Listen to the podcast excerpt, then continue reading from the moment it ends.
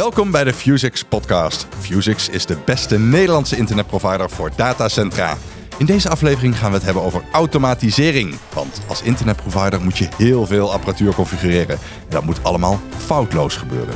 En je klanten willen graag zien hoe alles ervoor staat en het gevoel hebben dat ze zelf ook een beetje aan de knoppen zitten. Welkom in de wonderenwereld van automatisering. We gaan je laten merken dat het automatiseren van het netwerk en het klantportaal minder vanzelfsprekend zijn dan je zelf denkt. Want internet is voor iedereen belangrijker dan ooit, maar de techniek die nodig is om het altijd draaiende te houden wordt steeds ingewikkelder. Laten we automatisering simpel maken.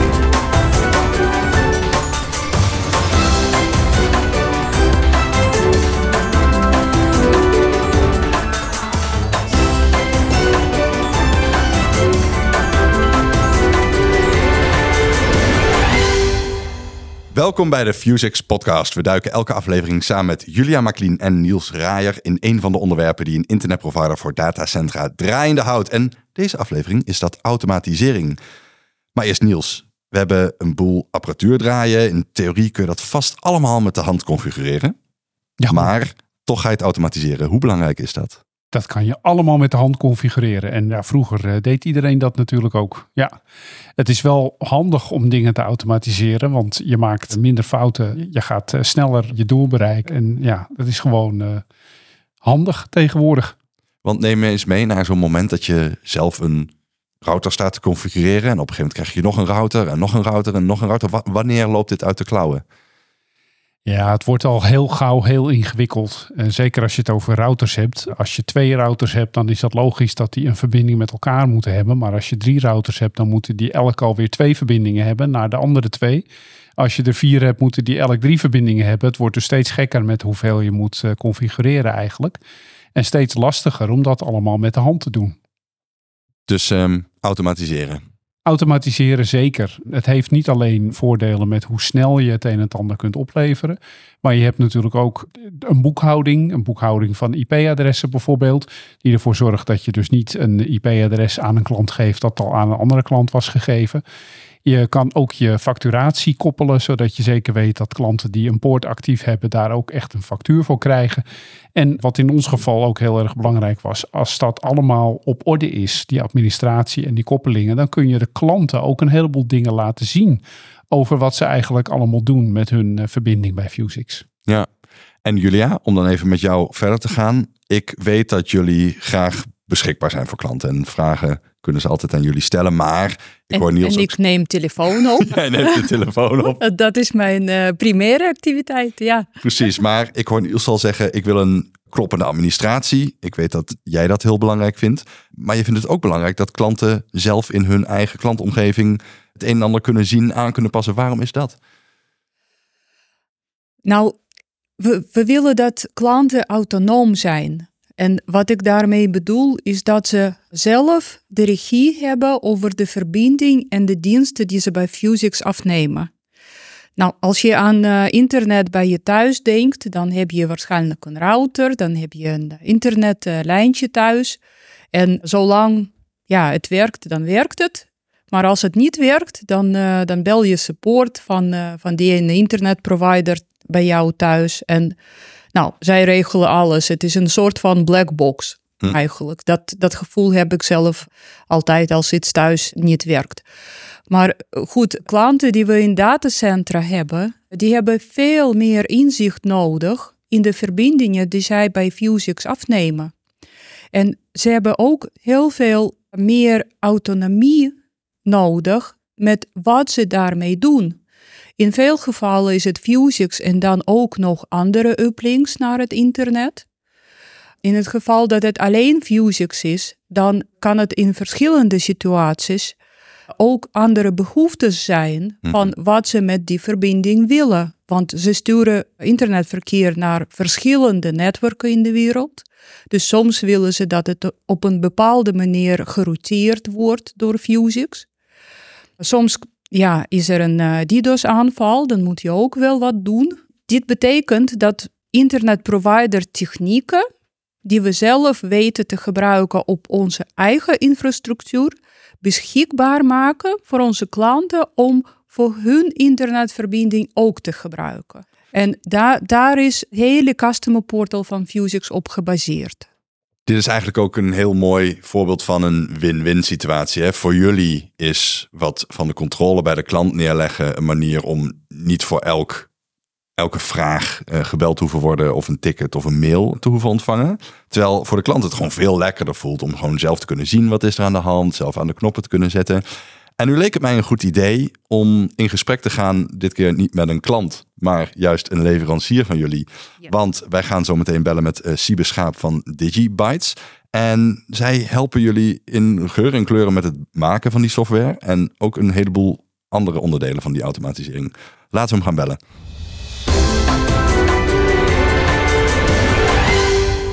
We bellen deze aflevering met Siebe Schaap van Digibytes Technology, de partij die voor Fusix alle wensen voor de portal omzet in werkende code. En wij spreken Siebe niet zoals gebruikelijk via de ouderwetse telefoon, maar uh, wij bellen heel modern via het internet. Dus ik heb Siebe al in de uitzending. Siebe, welkom. Dankjewel. Dankjewel. Ja, ze hoort het een beetje hè, bij uh, software. En, uh, Precies, wij zijn lekker vooruitstrevend vandaag. Hey, kun je iets vertellen over Digibytes? Ja, zeker wel. Digibytes is, nou ja, voortgekomen uit eigenlijk een hobbyproject. Ik was met een, met een studiegenoot, deden we allebei uh, IT. En we hadden een websiteje gemaakt en, en dat, dat, dat groeide wat groot. En, en daar kwamen op een gegeven moment de inkomsten en uitgaven bij. Hoe lang is dat uh, geleden? Hoe lang is dat geleden? Goh, 2010 denk ik ongeveer. Mm -hmm. Ja, om en nabij. Misschien nog iets eerder. 2006? Ja, is er niet trant. Ik denk uh, 2006 ongeveer. Nou ja, en, en, en uit, uh, uit de noodzaak uh, werd toen uh, Digibytes Technology BV geboren. We hebben dat een tijdje voortgezet als, als hobbyproject. En daarna zijn we eigenlijk steeds meer serieus werk gaan doen. Wat is dat serieuze werk? Jullie maken software. Ja, ja, ja dat, is, dat is de basis eigenlijk. We doen een aantal dingen. We maken een tweetal nu Android-apps in eigen beheer. Hè, dus die, die maken we voor onszelf. Die verkopen we via de Play Store. dus dat is eigenlijk een direct-to-consumer product. En dat doen we ook al uh, behoorlijk lang. Ook zeker al wel tien jaar, misschien iets langer. En daarnaast maken wij maatwerk software. En wij doen dat voor uh, Fusix. Hè. We maken Fusix Teamworks onder andere. En we doen dat voor ook een aantal andere klanten, soms doorlopend. En het meeste eigenlijk op projectbasis. En historisch gezien uh, heeft dat ook vaak te maken gehad met netwerkautomatisering. Ja, wat voor een klant is Fusix dan voor jullie? Nou, eigenlijk wel een hele bijzondere klant, moet ik zeggen. Dat, dat, het is ooit begonnen toen wij, toen, toen ik uh, parttime werkte bij een hosting provider, TransIP, in Nederland, in Leiden. Die kennen we allemaal. Ja, ja, precies. Nou, en ik werkte daar met veel plezier en we zaten op een gegeven moment op, op een project en toen kwam er af en toe een, uh, ja, ook iemand bij ons in die kamer zitten en die, die dronk daar koffie en wat hij daar deed was niet geheel duidelijk. Maar dat was Niels. Dus Niels en ik kenden elkaar vanuit TransIP, maakten af en toe wel eens een praatje. En, en op een gegeven moment waren wij bij een barbecue bij het datacenter wat de gebruikt in Amsterdam. En daar hebben we nog, nog iets uitgebreider gepraat. En zo, ja, zo hebben we elkaar leren kennen. En uh, toen, toen zijn we, hebben we ook een, een maatwerk software project gedaan voor, nou, voor, voor, ik denk toen een klant van jullie, uh, Niels. Ja, een satelliet internetprovider was dat. Ja, dat was Ja, een klant van ons. Ja. Ja, precies. Dat was, dat was eigenlijk ons eerste echt grote project dat te maken had met netwerk en automatisering. En dat hebben we nog een aantal keer zo gedaan. En, en, en ja, een, een aantal jaren later zeiden Niels en Julia, hey joh, wij zoeken eigenlijk ook iemand die voor ons zoiets kan gaan doen. Hmm. Um, en zo, zo, is dat, uh, zo heeft dat uh, vorm gekregen. Is uh, Fusix een leuke klant? Fusix is, ja, is een van de, van de leukste klanten die ik heb gehaald, denk ik. Misschien wel de leukste. Oh, ja, zeker. Wat heerlijk, we kunnen elkaar de hand schudden. En je zegt, hè, je, bent eigenlijk uh, semi-toevallig gaan samenwerken zoals dat dan gaat. Maar jullie maken natuurlijk een heleboel. Hoe anders is het werk voor Fusix dan jij gewend bent? Want een internetprovider heeft natuurlijk heel andere wensen. En die software moet heel andere toeters en bellen hebben dan je voor andere klanten moet doen. Is dat uitdagend? Is dat ander werk? Ja en nee. Er zijn in, in, in softwareontwikkeling zijn er heel veel aspecten eigenlijk altijd hetzelfde. En, en, je probeert je altijd wel toe te spitsen op, op je klant. Dus in die zin is er heel veel hetzelfde. Uh, en toch zijn er ook dingen wel, wel echt heel anders. En, en specifiek voor Fusix ook echt heel anders. Uh, ik vertelde net, we, hebben, we zijn ooit begonnen om, om nou, voor een van Fusix klanten samen iets te doen. Dat had ook te maken met netwerkautomatisering. En, en in dat project bijvoorbeeld, dat was misschien meer iets, een klassieker uh, softwareontwikkelingsaanpak om het zo te noemen. Daar, daar was de eindgebruiker, die die had wel domeinkennis, hè, die, die wist wel van zijn eigen zaken, maar die had eigenlijk weinig technische kennis. Hmm. Dus je, je krijgt een verhaal van de klant die zegt, nou ik wil zus, dus en zo. En dat maak je. En dan moet je er dus rekening mee houden dat degene die dat gaat gebruiken niet begrijpt wat er op de achtergrond gebeurt, zeg maar. Terwijl bij Fusix zit dat eigenlijk heel anders. Niels die, die beheert zijn eigen netwerk of netwerken. Die weet precies hoe dat in elkaar zit. Als hij zegt, ik wil deze of deze feature, dan zeggen wij, nou ja, en, en hoe moet dat volgens jou dan op dat netwerk werken? En dat kan hij ons tot in, het, tot in detail vertellen eigenlijk. En het enige wat wij hoeven te doen, is zorgen dat we dat op, op de juiste manier ja, abstraheren, modelleren in die software, beschrijven eigenlijk. En dat dan op die manier tot stand brengen. Dus in die zin is zeg maar de, de, de, de meest technische kant van het verhaal qua, qua implementatie op dat netwerk. Ja, dat, dat krijg je van Niels al. Ja, wat Uh, dus dat is wel bijzonder. Ja. Tegelijkertijd, jij zult zelf ook hun diensten en hun producten goed moeten doorgronden om vervolgens mee te kunnen helpen aan die automatisering. Is dat uitdagender dan normaal? Want ik denk een internetprovider heeft veel meer techniek dan een gemiddelde klant voor jullie. Ja, is dat uitdagend? Om, om de diensten door, te doorgronden bedoel je? Vooral dat ja. Ja, nou ik, denk dat wij doen softwareontwikkeling voor Fusix. Of laat ik zeggen, wij, wij, wij maken software voor, voor Fusix. Maar dat is natuurlijk niet alleen maar het schrijven van de code. Ik bedoel, dat is misschien nog wel het minst ingewikkeld op sommige momenten. Het start eigenlijk altijd met de vraag hè, van, vanuit Fusix. Je, je wilt iets tot stand brengen. Hè? Je wilt iets, iets automatiseren of je wilt iets inzichtelijk maken of je wilt, je wilt iets maken. En de eerste vraag die je, die je dan gaat stellen is, waarom wil je dat dan? Want wat, wat probeer je nou eigenlijk te doen? Je kunt wel een idee hebben van wat je wilt maken en hoe je het wil maken, maar waarom ben je dat zo aan het doen? En, en, en, en als je dus hebt over producten, dan we, we zijn eigenlijk stapsgewijs steeds stukjes van, van bedrijfsprocessen bijvoorbeeld gaan automatiseren. Dat is een van de dingen die we in de software zijn gaan doen. Uh, en een van de, van, de, van de uitdagingen daarin is ook geweest, oké, je wilt dus je wilt het, het opleveren van een product automatiseren, maar wat voor product is dat dan eigenlijk? Hoe zit het dan eigenlijk in elkaar? Welke varianten lever je daarin? Welke variabelen bestaan daar? Hoe, wat, wat, is het domein van, van, dat, van die dienst? En ga dat nou ook eens voor jezelf uitzoeken en definiëren. En zo hebben we denk ik in de loop der jaren ja, hebben we eigenlijk vastgesteld dat er een aantal ja, specifieke producten zijn die vaak geleverd worden. En daar ga je dan op automatiseren. Dus ja, wij hoeven echt niet alles te begrijpen van wat Fusix doet of alles helemaal te doorgronden. Uh, maar op het moment dat je product wilt gaan automatiseren, een dienst wilt gaan automatiseren, ja, dan moet je inderdaad dat stukje wel heel erg uh, gaan uitzoeken. Ja.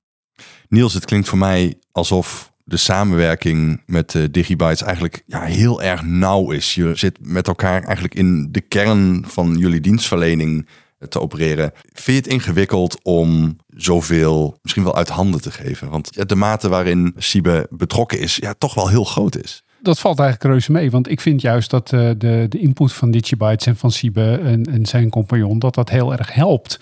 En je moet je indenken dat uh, voorheen als wij een klant gingen opleveren, dan uh, ging ik naar het magazijn hier. Ik pakte wat willekeurige optics, ik pakte wat willekeurige kabels en ik reed naar het datacenter.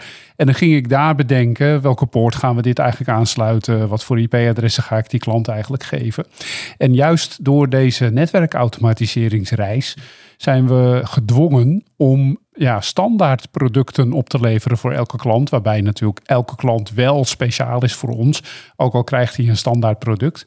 En dat helpt enorm. En juist doordat we zo zijn gaan automatiseren, hebben we een pakket van producten weten op te stellen dat we leveren. En elke klant die krijgt eigenlijk een één of meerdere, een combinatie van die producten. En dat helpt echt. En ik heb eigenlijk geen probleem om dat uit handen te geven. Het voelt ook niet als uit handen geven. Het voelt juist als een enorme steun in de rug. Het feit dat, uh, dat Digibytes hierachter staat en dat zij de code hebben gemaakt waarmee wij dat netwerk kunnen automatiseren. En de e-mails blijven maar binnenkomen gewoon. Ja, Siebe, jullie werken nou samen. En ik, ik hoorde jou eigenlijk iets heel interessants zeggen. Want ik heb nu tijdens de introductie met Niels besproken dat configureren van apparatuur geautomatiseerd wordt. En Julia vertelt dat ook de communicatie en de input van de klanten steeds meer automatisch gaat. Maar jij noemde het net eigenlijk niet netwerkautomatisering, maar bedrijfsautomatisering. Is dat voor jou een soort begrip waar je vaker op terugvalt? Waarom is het bedrijfsautomatisering en niet netwerkautomatisering? Dat is een goede vraag. Waarom is het? Ik denk dat dat. Ik vind die term beter passen, omdat we eigenlijk beginnen bij de, bij de business need. Waarom? Je kunt wel netwerk of configuratiewijzigingen in dit geval, je kunt wel onderdelen van het netwerk gaan automatiseren of, of configuratiewijzigingen gaan, uh, gaan, gaan automatiseren. Maar, maar waarom ben je dat nou aan het doen? Welke winst wil je ermee behalen? En meer dan dat, kijk, in dat netwerk, routers en switches, er zitten zo ontzettend veel mogelijkheden in die apparaten. Je kunt daar werkelijk alles mee doen. Maar wat wil je er nou mee doen? Dat is het belangrijkste. Wat, wil je, wat moet jouw klant kunnen? Wat moet jij kunnen? Wat wil je verkopen? Uh, hoe zit het product in elkaar? Als je alles kunt, kun je ook alles fout doen. Terwijl als je begint te definiëren wat is nou de kern van mijn product, wat verkoop ik nou, welke variabelen zitten erin, dan kun je dat, dan kun je dat bedrijfsproces modelleren. En van, vanuit het model voor dat bedrijfsproces en van, vanuit het model voor dat product, kun je dan gaan nadenken over hoe krijg ik dat nou in dat netwerk, zodat dat, eh, dat, dat, dat het dat ondersteunt, dat, dat het ook waarmaakt, zeg maar. Dus ja, ik denk in dit geval Zeker in het geval van Fusix, omdat je begint bij wat is het handmatige proces wat je, wat je nu hebt? Wat, wat doe je nu om dat product te leveren? En hoe kunnen we nou zorgen dat dat meer automatisch gaat, zodat je, je, je, je tijdswinst oplevert en, en, en, en, waarde creëert? Dat, dat, ja, dat ik daarom zeg bedrijfs, van bedrijfsprocessen, niet zozeer van het netwerk. Het netwerk is secundair, dat moet werken. Maar het belangrijkste is het proces voor bedrijf. En waar dat zich misschien ook wel in uit, dat is dat natuurlijk om je netwerk te kunnen automatiseren, moet je administratie kloppen. Toen wij begonnen met automatiseringsreis, toen dachten we nou, dat is allemaal simpel. En dan eh, in het vervolg krijgt iedere klant automatisch een subnetje op zijn poort en dat gaat allemaal vanzelf. Ja, natuurlijk, dat gaat vanzelf. Maar dan moet je om te beginnen wel een administratie hebben waaruit blijkt welke subnetjes je nog kunt uitdelen aan klanten. Dus je moet eerst de zaken op orde hebben voordat je kunt beginnen met automatiseren. En ook dat is voor ons eigenlijk juist een hele steun in de rug geweest en geen, geen eh, hindernis. En ik hoor jullie ook al vertellen over het productdefinitie, de administratie op orde, vervolgens de configuratie van alle apparaten. Ja, het grijpt eigenlijk in op alles waar een internetprovider mee bezig kan zijn. Dus uh, ik snap het wel.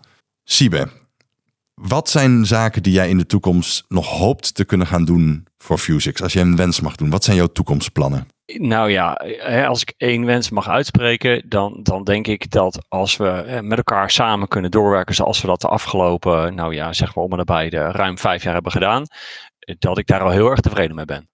Ja, absoluut. Fijn om te horen. Siebe Schaap van Digibytes Technology, hartelijk dank voor je input. Wij gaan verder discussiëren over automatisering. Niels, ik hoor Siebe zeggen dat het eigenlijk allemaal om bedrijfsautomatisering gaat. Want jullie kijken op alle niveaus van het bedrijf naar wat je wil automatiseren en hoe je dat vervolgens aanpakt. Maar laten we even beginnen bij het netwerk, want dat is toch de kern van het product. Hetgeen altijd moet draaien om de klanten gelukkig te houden. Kun je iets vertellen over de eerste config die je maakt en hoe snel dit uit de klauw is gelopen? Ja, het is eigenlijk een soort reis, hè, die automatisering van je netwerk. Hoe het altijd begint als mensen een netwerk gaan bouwen en hoe het ook vaak begint als wij hier voor een klant een netwerk gaan bouwen. En ook hoe het voor ons beginnen, begonnen is zoveel jaar geleden. Dat is dat je een apparaat uit de doos haalt, een router of een switch. En je sluit er een eh, consolekabeltje op aan en je begint te typen. Juist. Ja, je zet gewoon een IP-adres op een interface. Je kan er dan ineens bij en van kwaad wordt erger. De config wordt steeds groter, mhm. steeds ingewikkelder. Je kan de software updaten en als je daar allemaal klaar mee bent, dan hang je het apparaat in een datacenter. En dan gaat het doen eh, wat het moet doen. En als je dan de zaken goed onder controle hebt, dan ga je daarna van dat uh, apparaat, van die configuratie van het apparaat, ga je een eh, backup maken periodiek. Dat kan je dan doen met een pakket zoals uh, Rensit of Oxidized. En dan heb jij gewoon een zekere, ja, nou ja, gewoon een kopie van de configuratie. Dus als er iets gebeurt met dat apparaat, dan kun je het gewoon vervangen. Configuratie er weer in blazen. En hup, dat is hem. Mhm. En als je nou kijkt naar hoe een netwerkautomatiseringsreis uitziet, dan zou je kunnen zeggen dat het einddoel van die reis eigenlijk precies het omgekeerde is van wat ik net vertelde. Het einddoel van die netwerkautomatiseringsreis, dat zou kunnen zijn dat je één server hebt waarop alles eigenlijk staat, een point of truth. En dat als je zo'n apparaat uit de doos haalt en je sluit hem aan op je netwerk, dat dat apparaat automatisch wordt geconfigureerd vanuit dat point of truth zodat de hele configuratie er gewoon in één keer op staat. En als er wijzigingen zijn in het netwerk, als er een nieuwe klant is geprovisioned of als er een nieuwe verbinding bij komt ergens tussen datacenters, ik noem maar wat, dat dat dan allemaal ook vanuit die point of truth server wordt geconfigureerd. Ik vind het mooi hoe je het uitlegt, maar ik moet het toch even op me in laten werken. Dus je typt een configuratie, dan maak je een backup, die trek je dus van die server af. Ja. Maar even later wordt het zo geavanceerd dat je graag één waarheid wil creëren van waar je juist die configuratie weer naar die router toe pusht. Nou, nee hoor, want ik zei al, ik gebruik niet voor niks het eh, woord netwerkautomatiseringsreis. Want dit is dus iets waar eigenlijk vrijwel nog niemand helemaal aan toe is. Het laatste dat ik noemde, dat een configuratie automatisch gemaakt eh, wordt of gepusht wordt vanuit een server die ergens staat. En ook bij Vuzix zijn we nog niet zo ver. Bij Vuzix eh, maken we nog steeds die backups van onze apparatuur. Maar we hebben wel eh, software gemaakt die het netwerk automatiseert en die ervoor zorgt dat configuratie niet meer met de hand naar alle apparaten wordt gestuurd. Maar dat gebeurt dan in deeltjes. Dus steeds als er een verandering is, dan zetten we een, een nieuwe configuratie erop in een heel klein stukje. Hmm, waarom? Ja, omdat het eigenlijk niet hoeft om de hele configuratie te vervangen de hele tijd. En ook, ja, er zijn bij ons eigenlijk zo weinig wijzigingen in het netwerk. En Er zijn per dag eh, een paar opleveringen en eh, heel af en toe komt er een nieuw datacenter bij of een nieuwe upstream of zo.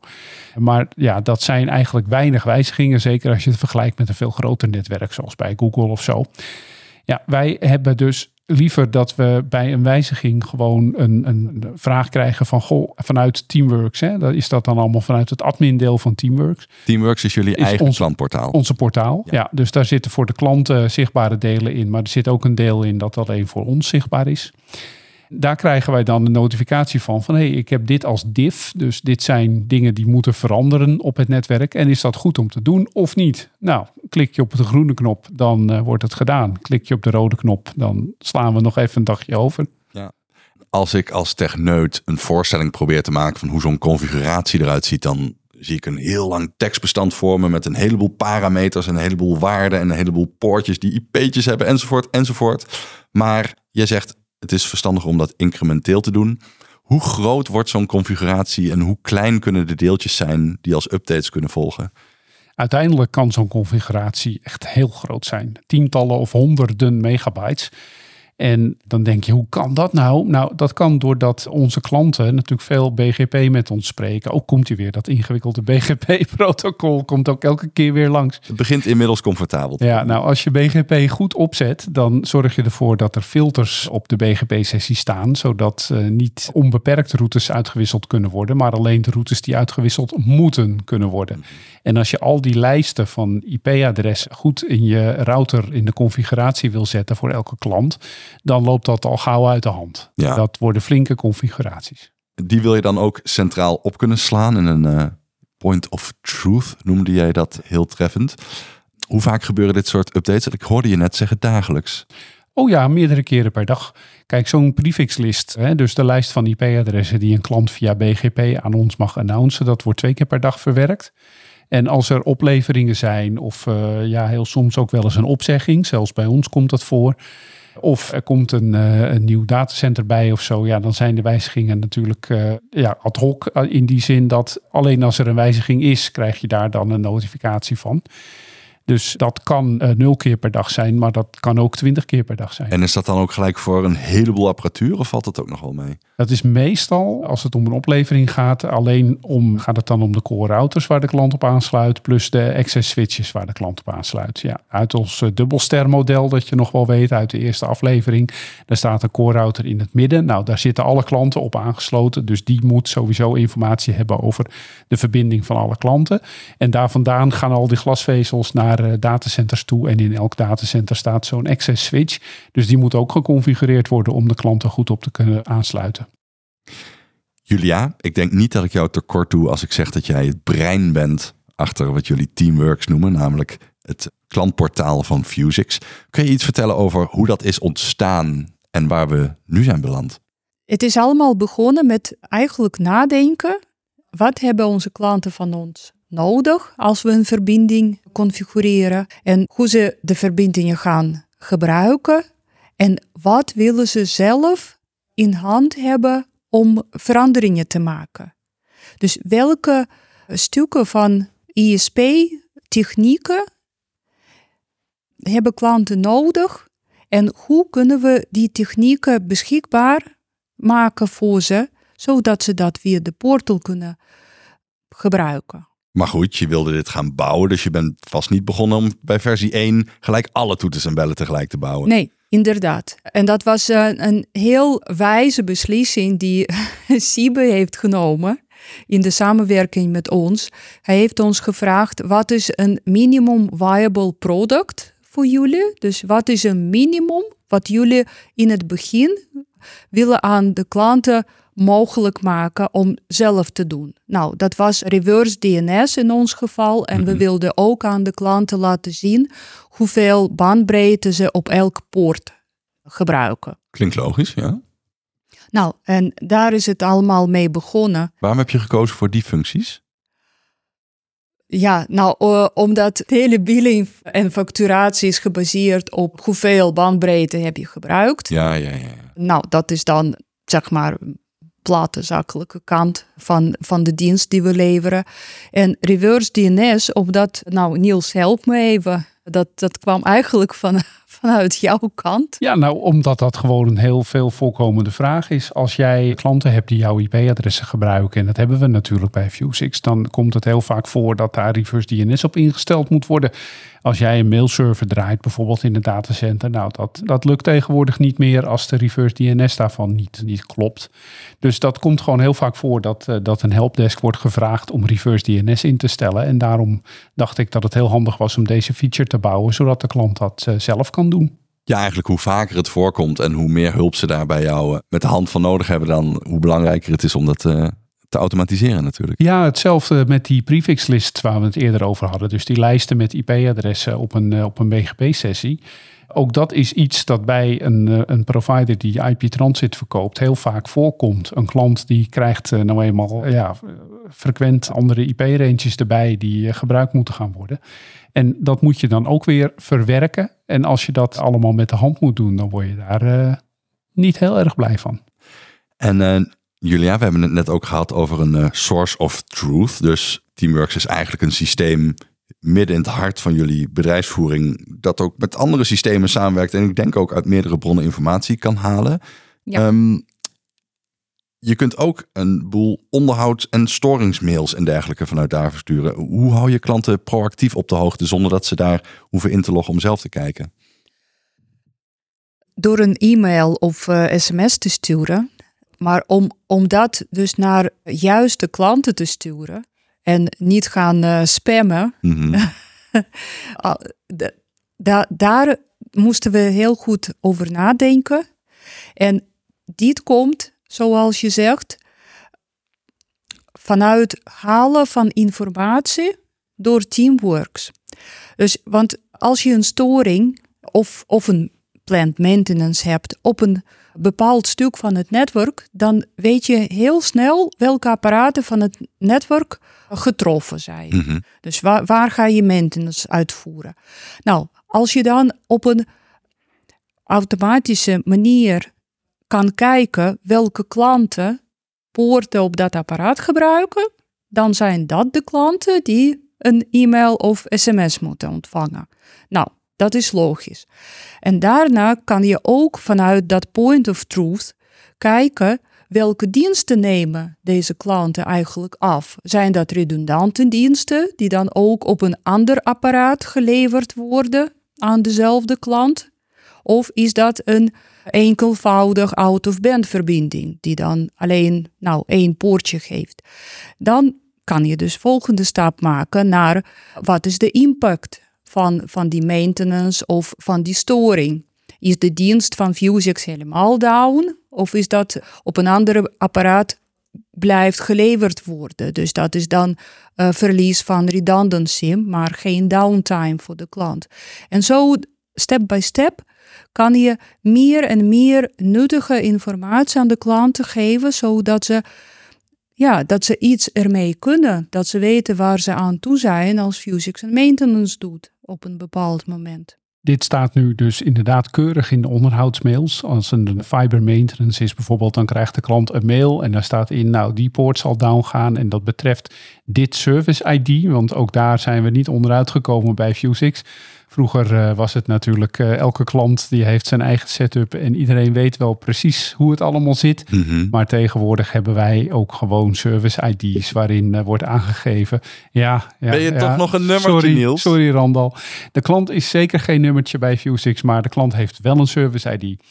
nou, daar staat dus in de onderhoudsmail voor welk service ID het geldt. En zoals Julia al zei, staat daar tegenwoordig, en dat is een vrij recente feature, staat daar ook keurig netjes in of het betekent dat die dienst helemaal down zal zijn, of dat er loss of redundancy is, of dat de dienst, dat kan ook nog less redundant is. Als de klant meer dan twee verbindingen heeft bijvoorbeeld. Stel de klant heeft vier verbindingen en één van de vier gaat down, dan staat er in de onderhoudsmail less redundant. Mm -hmm. Maar als er als de klant twee verbindingen heeft en één van de twee gaat down, dan staat er loss of redundancy. Ja, ja, en we hebben natuurlijk vorige aflevering uitgebreid gehad over software updates. Ook dan zal een apparaat tijdelijk eventjes niet beschikbaar zijn. Jullie plannen natuurlijk vooruit wanneer je zo'n software update doet. En daar kun je klanten dus vast voor waarschuwen. Dat klopt helemaal. Ja, en dat gaat ook via de Teamworks klantportaal. Dus de onderhoudsmails gebruiken we eigenlijk voor twee dingen. In de eerste plaats aangekondigd onderhoud. Nou, dat komt, dat komt wel eens voor. En we hebben het in de vorige aflevering daar inderdaad al over gehad.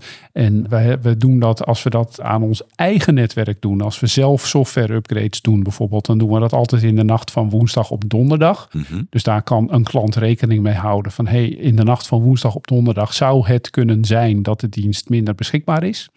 Nou, dat komt maar een paar keer per jaar voor. Want zoveel upgrades doen we nou ook weer niet. Maar wat vaker voorkomt, dat is dat een toeleverancier van ons, en dat is dan meestal een fiberleverancier, een dark fiber leverancier tussen datacenters, een onderhoud heeft. En dat kan allerlei redenen hebben. Hè. Dat is niet omdat ze zo graag willen sleutelen aan die fiber meestal. Maar dat is omdat er een weg aangelegd moet worden of zo. En die fiber moet naar de andere kant van de weg verhuisd worden. Of nou, dat soort redenen zorgt er dus voor dat er onderhoud op een fiber kan zijn. De tweede plaats waarin we de onderhoudsmails vanuit Teamworks gebruiken is natuurlijk als er ergens een storing is. Als er een onverwacht probleem is ontstaan, dan gebruiken we precies dezezelfde dienst vanuit de adminpagina van Teamworks om aan de klanten te laten weten dat er wat aan de hand is en dat we het al weten. Maar eigenlijk los daarvan heeft Teamworks ook nog een onderdeel om de status van de BGP-sessie meteen door te geven. Dus vaak als wij een storing melden aan een klant, dan weet de klant het eigenlijk al. Want die heeft al een sms ontvangen van hey, jouw BGP-sessie is down. Ja, laten we daar even op verder pakken, want ik heb al gehoord reverse DNS. We hebben iets gehoord over anti-DDoS. En wat voor functies zijn er inmiddels allemaal beschikbaar nu Teamworks lekker is doorgeëvalueerd? Dat is een, uh, een hele lijst geworden intussen. Dus zoals we zeiden, we zijn begonnen met reverse DNS. Daarna zijn we even aan het uitbouwen geweest op security en anti-DDoS maatregelen.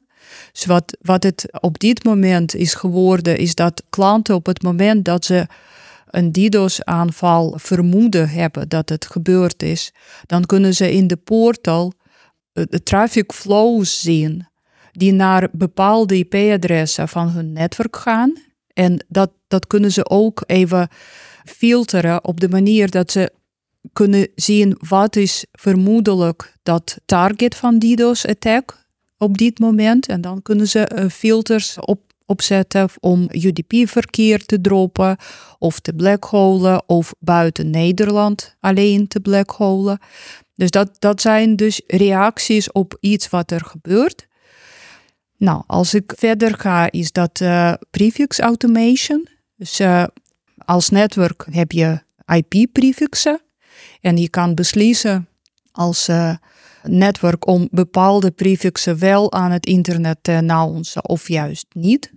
Als onze klant dit in RIPE en CC database verandert, dan lezen wij dan automatisch die informatie en de veranderingen uit RIPE en CC en dat kunnen, ze, dat kunnen wij ook in ons netwerk meteen verwerken.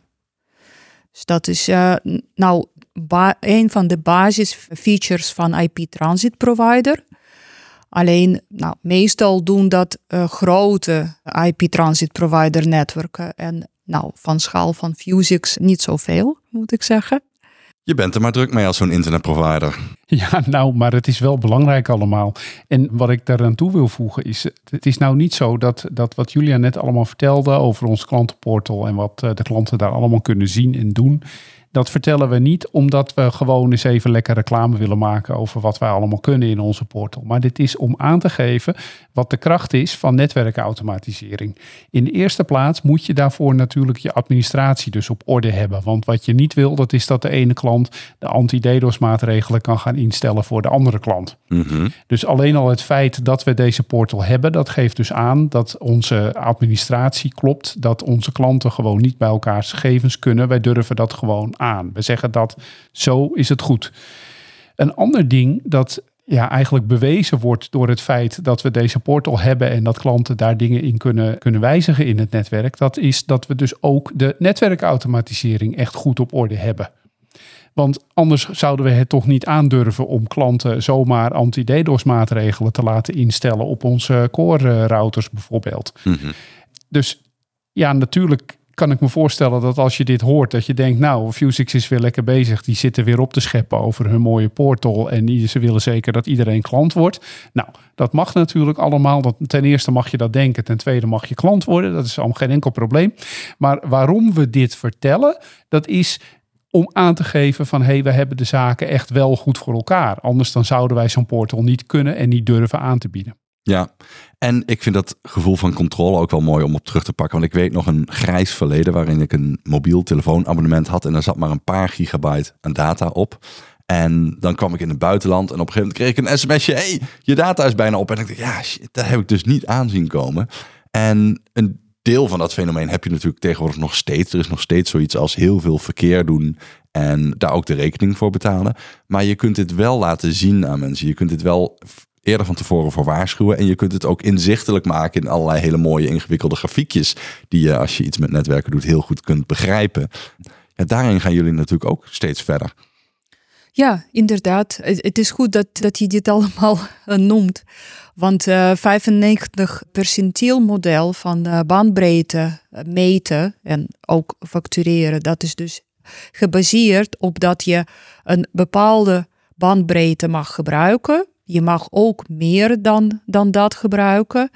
En dan als je dat 5% van de tijd doet, dan kost het helemaal niks. En als je het langer doet dan 5% van de tijd, dus ongeveer 36 uur per maand, dan komt iets op de factuur.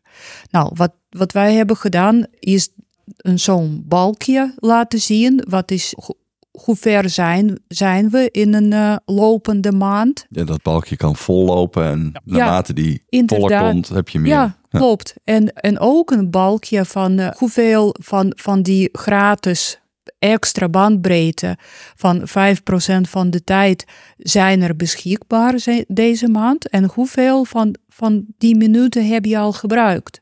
Dus dan weet de klant dat als 5% van de tijd vol zit, dan mogen ze wel wat voor extra verkeer op hun eh, Fusix-factuur verwachten. En anders mogen ze gewoon blijven gebruiken.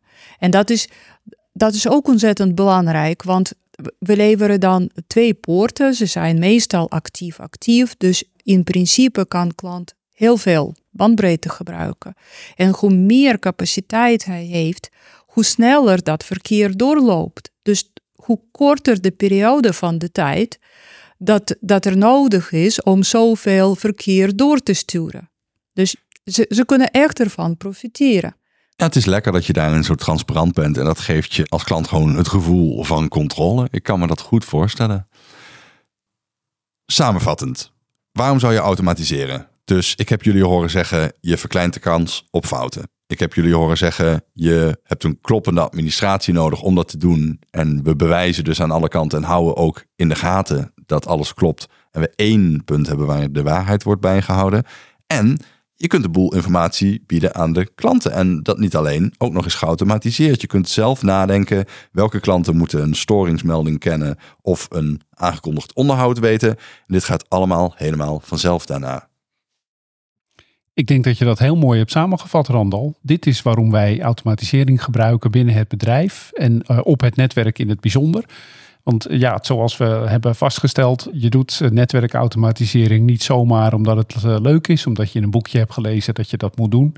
Maar je doet dat natuurlijk om het bedrijf vooruit te helpen. En juist die zaken als, ja, je moet eigenlijk een kloppende administratie hebben, wil je met succes je netwerk kunnen automatiseren. Dat vinden wij heel belangrijk, want dat geeft gewoon aan dat wij de zaken op orde hebben. Keurig. Ik ben door mijn vragen heen. Laten we kijken of er nog een van de luisteraars binnengekomen.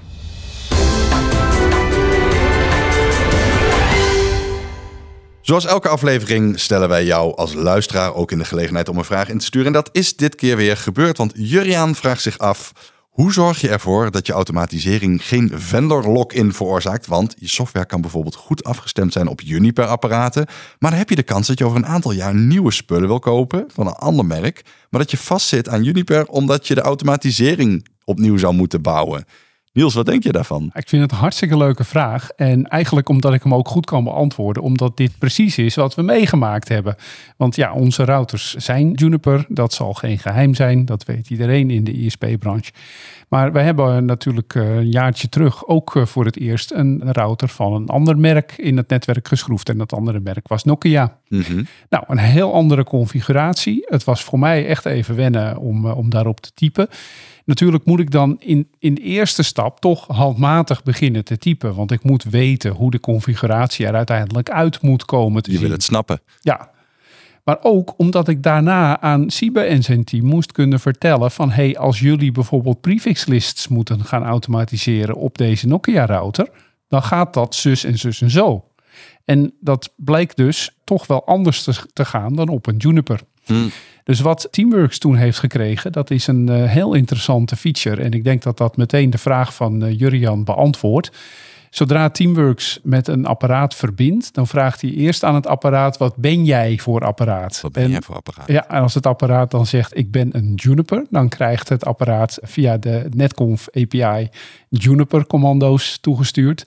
En als het apparaat zegt ik ben een Nokia, dan krijgt hij Nokia commando's toegestuurd. Maar dat heb je wel moeten bouwen. Dit hebben we moeten bouwen. Dat hebben we moeten toevoegen aan Teamworks. Dus dat heeft wel wat voeten in de aarde gehad. Maar het zit er nu in. En als wij dus eh, straks gaan zeggen van nou, we gaan onze core routers door een Arista vervangen, dan is dat ook weer een kwestie van toevoegen. Van hé, hey, de commando's voor een Arista zien er zo, uit. Maar in de basis verandert de automatisering dan niet meer. Want die gaat dus vragen, wat ben jij voor apparaat? Hij Ja. zegt, ik ben een Arista. Nou, dan krijgt hij de commando's voor een Arista. Dus je bent niet vendor locked in. Je kunt wel een andere fabrikant gebruiken. Maar Jurian heeft wel een punt dat die drempel net wat hoger zou zijn. Het is natuurlijk net een stukje makkelijker om toch braaf voor dezelfde leverancier te. Dat klopt helemaal. Maar uiteindelijk komt het er natuurlijk op neer. Wat wil je met dat netwerk bereiken? En wat wil je met dat netwerk bereiken voor het bedrijf? En als jij je laat vangen door een bepaalde vendor vanwege iets eenvoudigs als, ja, goh, misschien moet ik wel een andere API eh, gaan gebruiken.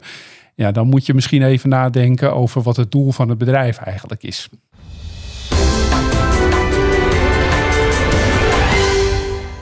Dat was hem alweer, deze aflevering van de Fusix podcast. En ik hoop dat jullie net zoveel geleerd hebben over automatisering als ik. In de volgende aflevering gaan we het hebben over netwerkbouwkunde. In welke datacentra moet Fusix hangen en hoe ontsluit je die? Dat hoor je allemaal volgende keer. Deze podcast wordt gemaakt door Fusix. Je hoorde Niels Raaier, Julia Maklien en mij, Randal Pelen. En deze podcast werd geproduceerd en geëdit door YOLO Media. Heb je vragen over netwerkbouwkunde voor de volgende aflevering? Mail ze dan naar podcast.fusix.nl. En misschien hoor je jouw vraag wel terug in de volgende aflevering.